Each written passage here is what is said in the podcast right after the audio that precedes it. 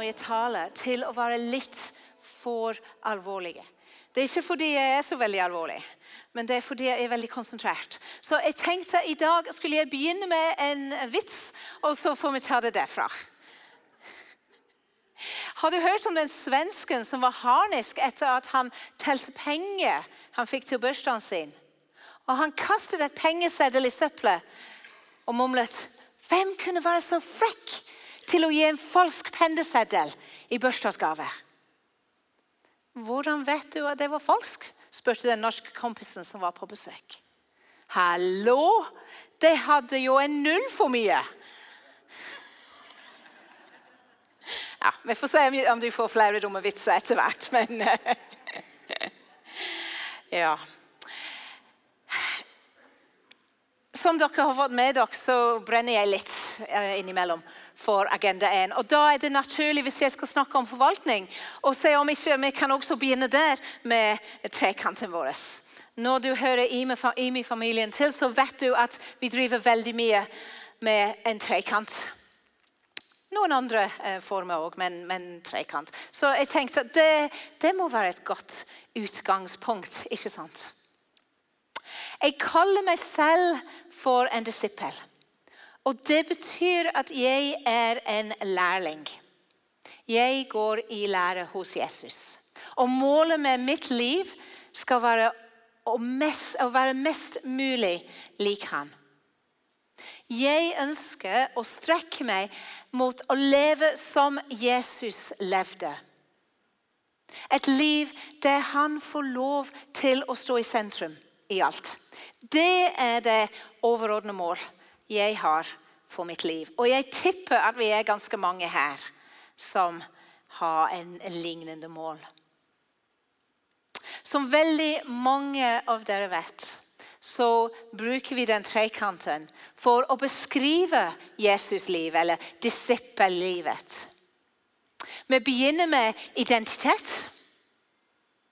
Jesus visste at han var Guds sønn.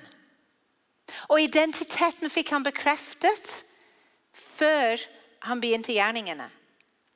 Helt i starten fikk han høre Faderens bekreftende ord om at han var den elskede. Og Det er det samme for oss. Før vi gjør noe som helst, har vi en identitet som en adoptert og høyt elsket sønn eller datter av vår himmelske far. Få tak i dette. Det er kjempeviktig. Han elsker deg, og han elsker meg før vi har gjort, gjort noe. Vi er hans sønner og hans døtre. Og vi lever ut fra den identiteten, akkurat som Jesus gjorde. Så den første relasjonen vi lever i, er opp. Opp til vår himmelske Far. Og vi handler ut fra identiteten. Vi lever som barn av vår far. Og mens vi snakker om trekanten, går vi videre, ikke sant? Og vi tenker innover. Jesus levde i relasjon til hans disipler og andre som fulgte etter ham. Han kalte dem for hans familie. Og Den neste side i trekanten kaller vi for inn. Og Det er der at vi også har vår identitet som familie. Vi er en del av Guds familie. Vi har søsken. Mange søsken. Bare snu deg nå og si hei til den som sitter bak deg. For han eller hun er din bror eller din søster. Bare smil pent mens du sier det.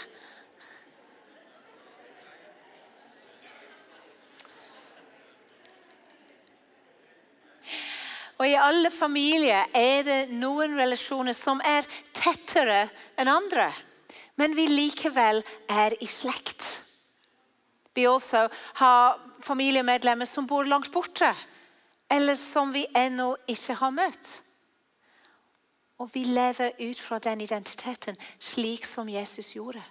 Så for eksempel dine søsken som du ennå ikke har møtt, var på skjermen når Steve og jeg holdt på å prate om hva Gud gjør i Bangladesh.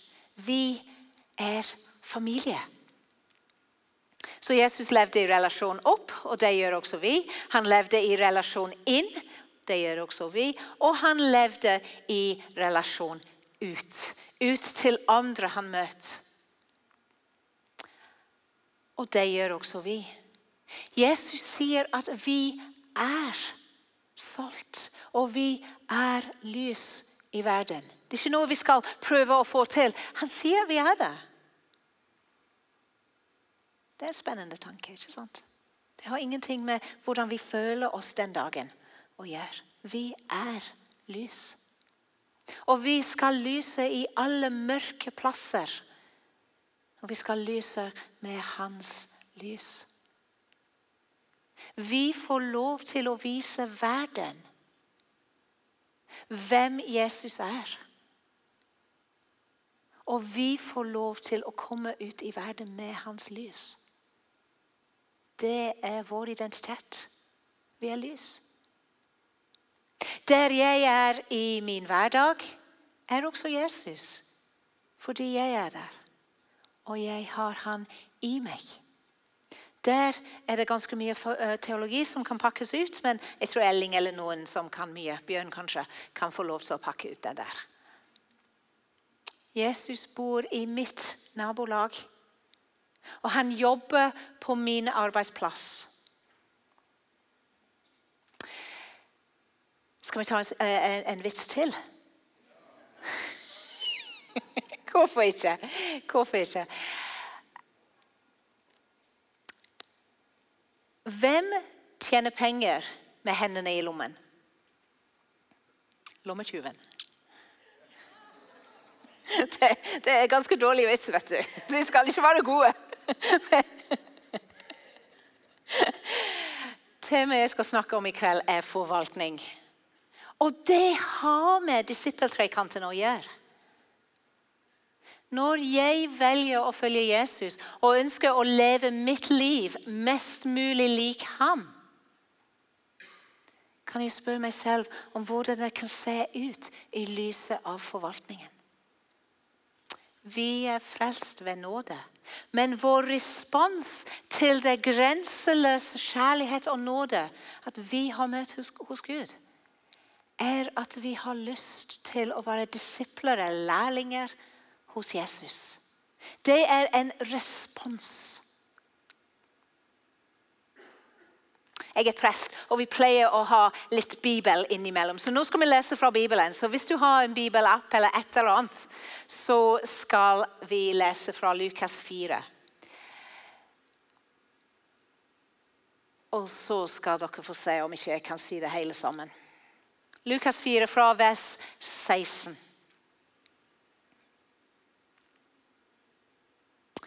Og der sto det om Jesus. Han kom også til Nasaret, hvor han var vokst opp. Og På sabbaten gikk han inn i synagogen, slik han pleide. Da han reiste seg for å lese, rakte de ham fra profeten Jesajas bok.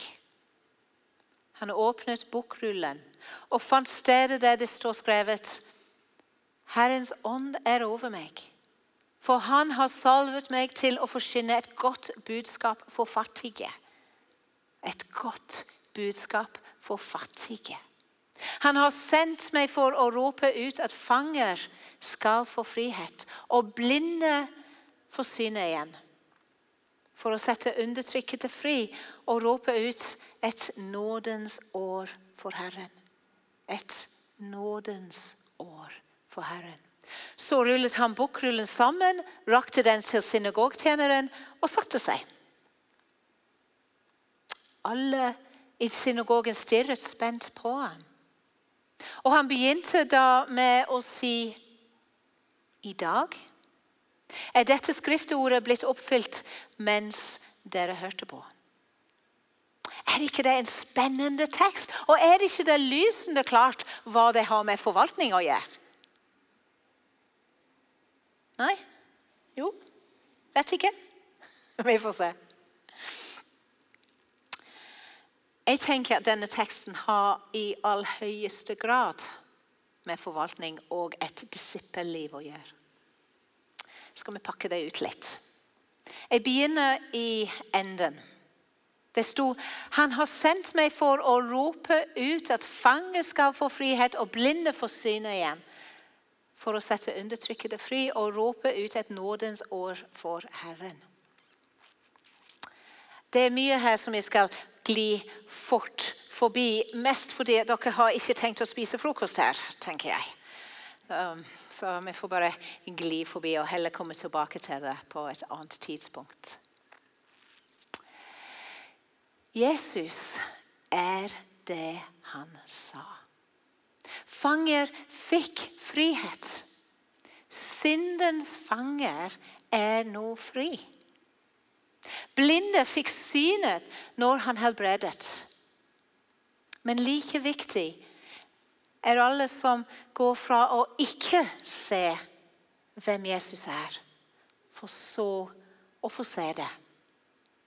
Fra åndelige blinde til å kunne se. Men det er det siste han sier, som jeg har lyst til å hvile mest på et nådens år for Herren. Her peker Jesus på seg selv, og han setter det i lyset av nådens år.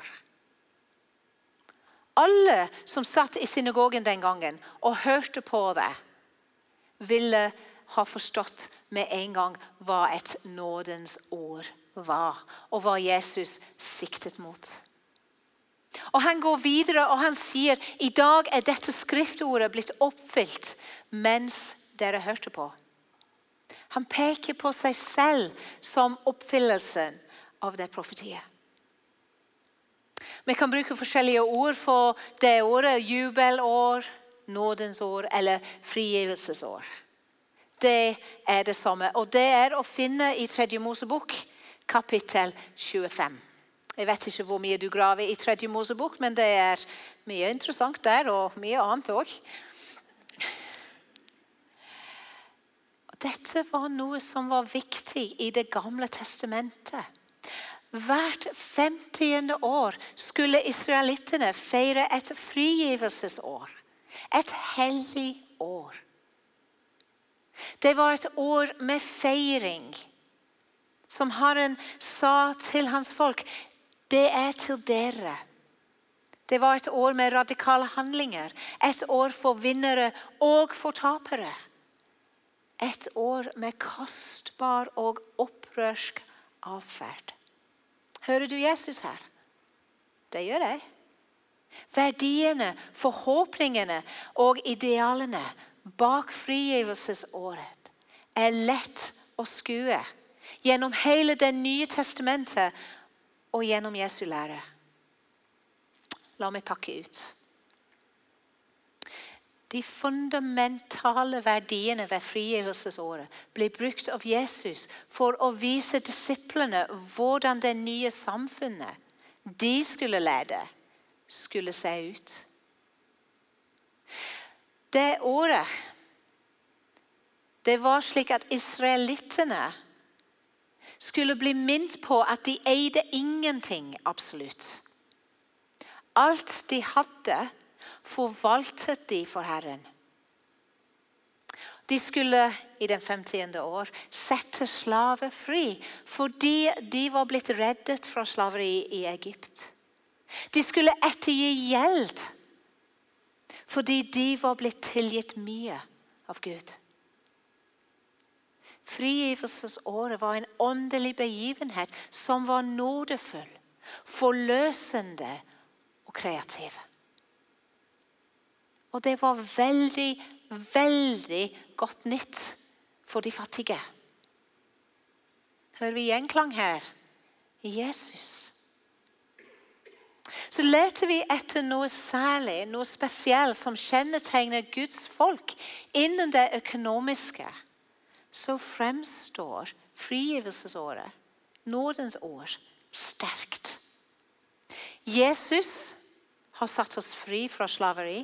Ikke i Egypt, men syndens slaveri. De mistet all sin makt når Jesus døde på korset. Jesus er vår frigivelse. Jesus og frigivelse er dårlig nytt for de rike, men godt nytt for de fattige.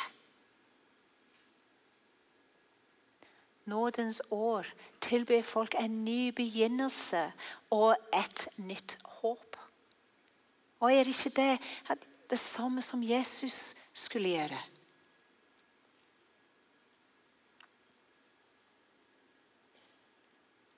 Jesus sa at han var Messias. Han kom med en ny pakt, en ny tid. Og han bruker frigivelsesspråket som et utgangspunkt. Det virker som han har fortolket sin misjon innenfor dette begrepet. Frigivelsesånd. Og verdiene som finnes overalt i Jesu arbeid og lære, er å spore tilbake dit, mener jeg. Det er veldig, veldig spennende å lese evangeliene med dette i tanker. Om jeg skal være en disippel og leve som Jesus levde, bør jeg være godt nytt for de fattige i lys av dette. Jeg som har så mye, som forvalter så veldig mye, har et stort ansvar på meg. Skal vi ha en eh, vits til?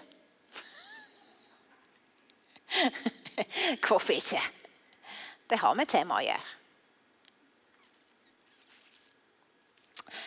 Det var et spørsmål på din nasjonalprøve som gjorde at skolene i Ålesund falt nedover på rangeringen. Spørsmålet var hvilke mennesker lever lengst? Og for de fleste elever rundt om i landet så hadde svart enten vært kvinner eller mennesker i Japan. Hadde så å si alle de sunnmørste barn svart noe annet, nemlig rike slektninger.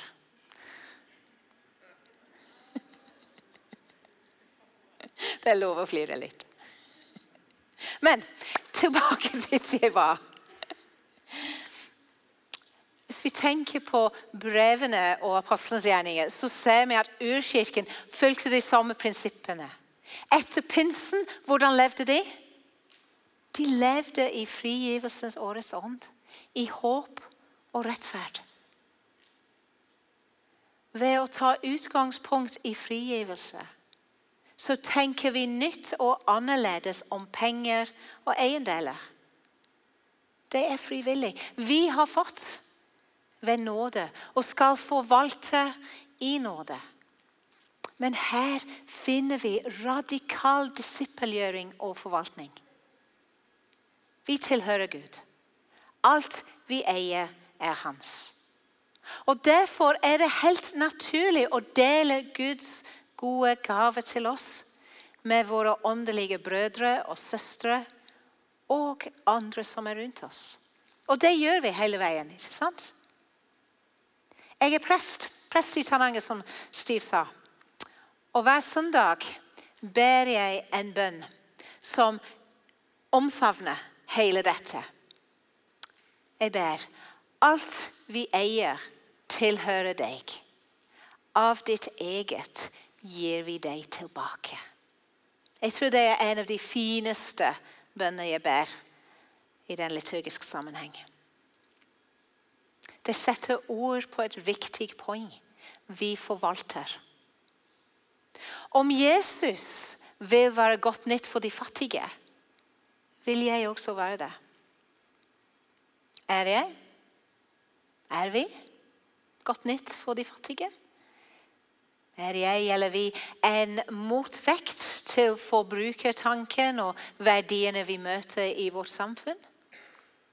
Gir jeg uttrykk for alternative verdier? Lever jeg i det? Jeg tror dette er frigjørende og håpefullt. Jeg kan bare svare meg, for meg selv. Du kan bare svare for deg selv. Og da sier jeg at jeg håper at jeg gjør det.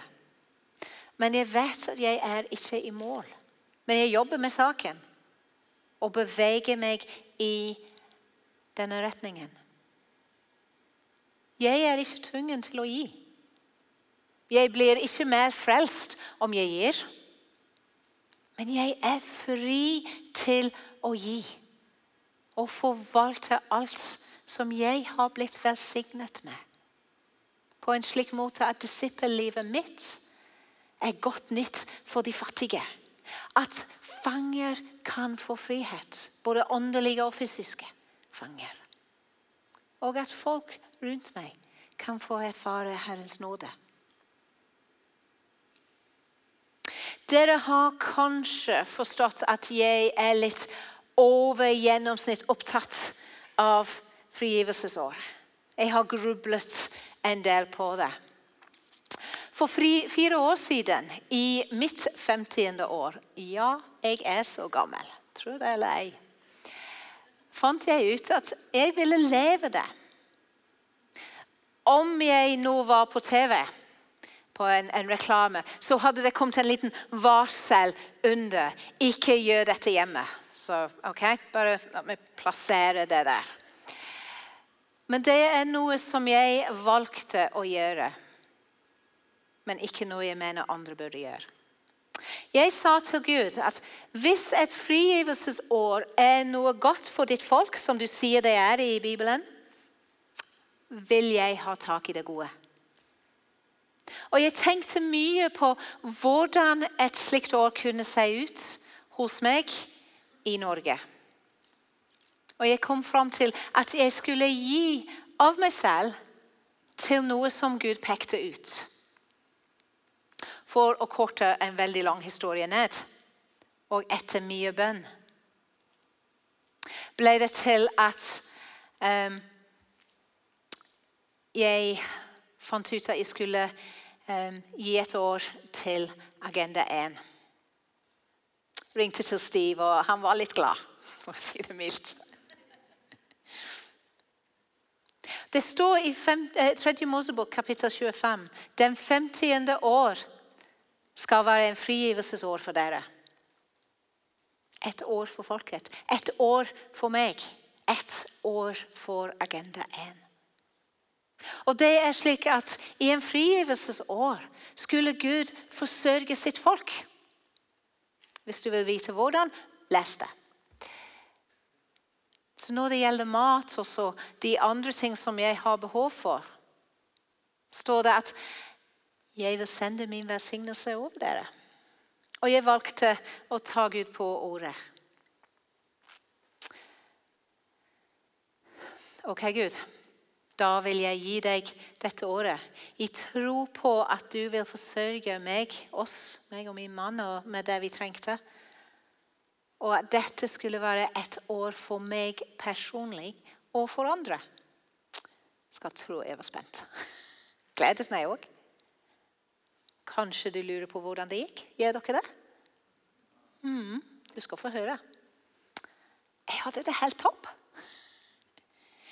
Året i Agenda 1 ble meget krevende og til tider en veldig bratt læringskurv. Men helt topp. Og Gud, han var trofast. Og Det er veldig greit at dere sitter der og hører på det. Men når du står i en sånn situasjon, så, så står du der og tenker Er han virkelig trofast nok? Er han virkelig så trofast mot meg? Det er fint med dem som står der og forteller om det, men hva med meg? Min erfaring var at det var, det var han. Jeg hadde de samme sparepenger etter året var ferdig, som jeg hadde når det begynte. Jeg fikk betalt alle regninger og huslån. Jeg gjorde det ved å ta på meg noen vikariater som jeg søkte ikke etter engang. De bare havnet i fanget mitt. Og de passet perfekt inn i de andre tingene jeg skulle gjøre. Det var helt spesielt. Det skjedde bare rundt meg. Jeg søkte ikke. Gud ordnet alt. Og Det er veldig mye jeg kunne ha fortalt fra dette året. Men jeg har lyst til å trekke fram to ting. Er dere fremdeles med meg? Bra. Jeg går ikke mot slutten ennå. Først det økonomiske. Jeg holdt pusten når jeg trengte reparasjoner på bilen min til en verdi av rett under 6500 kroner. Ingen visste det utenom meg og bilverksted som hadde gitt meg en prisantydning. Men en dag ikke så lenge etter det kom en mann til meg og han sa Tracy, Gud har minnet meg på at jeg skal gi deg en gave. Å, så flott, tenkte jeg. Det vil jeg gjerne ta imot. Jeg tenkte 500 kroner, 600 kroner, noe sånt. Ja, jeg, jeg, setter, jeg overfører det til bankkontoen din. Kan jeg få kontonummeret? Så han fikk det. Gjett hvor mye det ble? 6500 kroner. Da fikk jeg reparert bilen, som jeg var nokså avhengig av for å kunne kjøre innover hit. Er ikke det gøy? Jeg syns det. Den andre har med åndelige glede å gjøre, og jeg syns dette er mye større enn de pengene. Du får se hva du syns. Det var kjempestort for meg. For som prest er det alltid en del ting man ikke får til. Og det er alltid en del folk som er litt sånn småmisfornøyd, og en del folk som er nokså fornøyd. Så, sånn er prestelivet. Du kan ikke gjøre alle til lags hele tida. Ikke sant, Anne Berit? ja.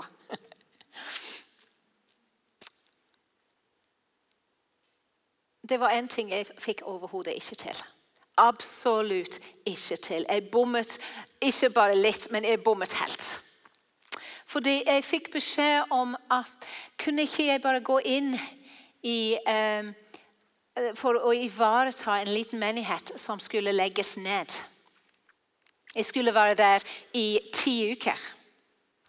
Mens bispedømmekontoret tok seg av det formelle for at en gammel og mislykket menighetsplant skulle ta pause på ubestemt tid. Trist, men greit nok, tenkte jeg. Og det var dette jeg mislykte så veldig med. For jeg gjorde svært lite. Hadde fokus på agenda 1. Men Gud ga vekst. Veksten i den menigheten var helt uforklarlig fra menneskelig uh, utgangspunkt. Det var helt fenomenelt og overnaturlig.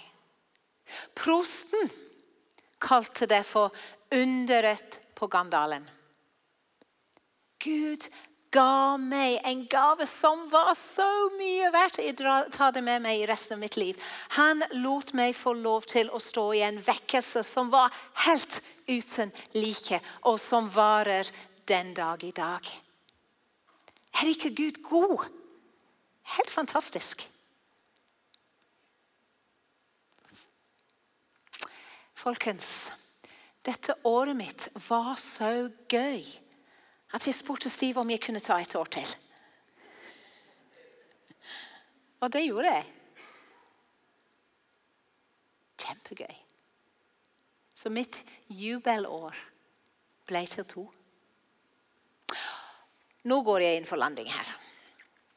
Å leve et disippelliv, som jeg begynte med å snakke om, er å leve mest mulig lik Jesus.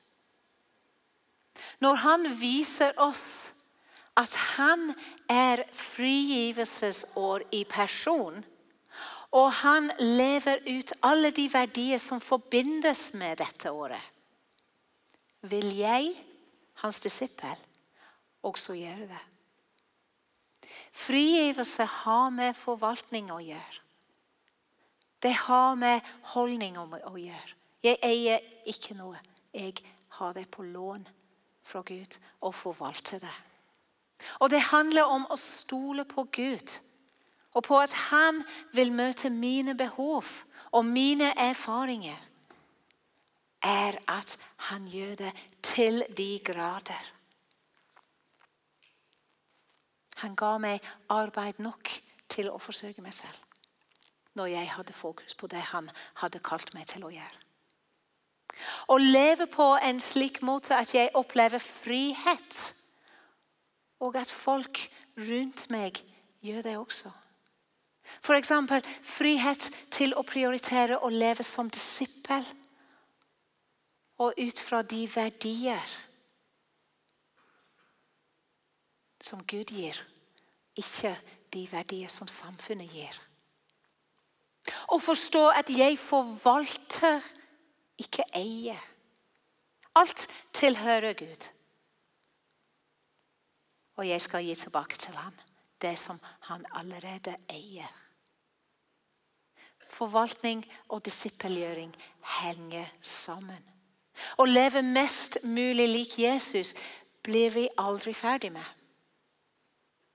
Eller kanskje du blir ferdig med det. Jeg blir ikke det. Jeg tror jeg må komme hjem til himmelen for å bli ferdig med det. Men reisen er kjempespennende og veldig gøy. Derfor tar jeg meg frimodigheten til å oppfordre oss til å leve som godt nytt hvor vi befinner oss hver dag. Til å være klar over at Gud har gitt oss så mye å forvalte. Og vi kan gjøre det på en slik måte at vi er godt nytt for de fattige, de undertrykkede og de svake. La våre liv og det siste som ble omvendt, våre lommebøker, bringe lys og salt både lokalt og lengre ut i verden. Utfordringen jeg skal slutte av med Hvordan skal du være godt nytt denne uken?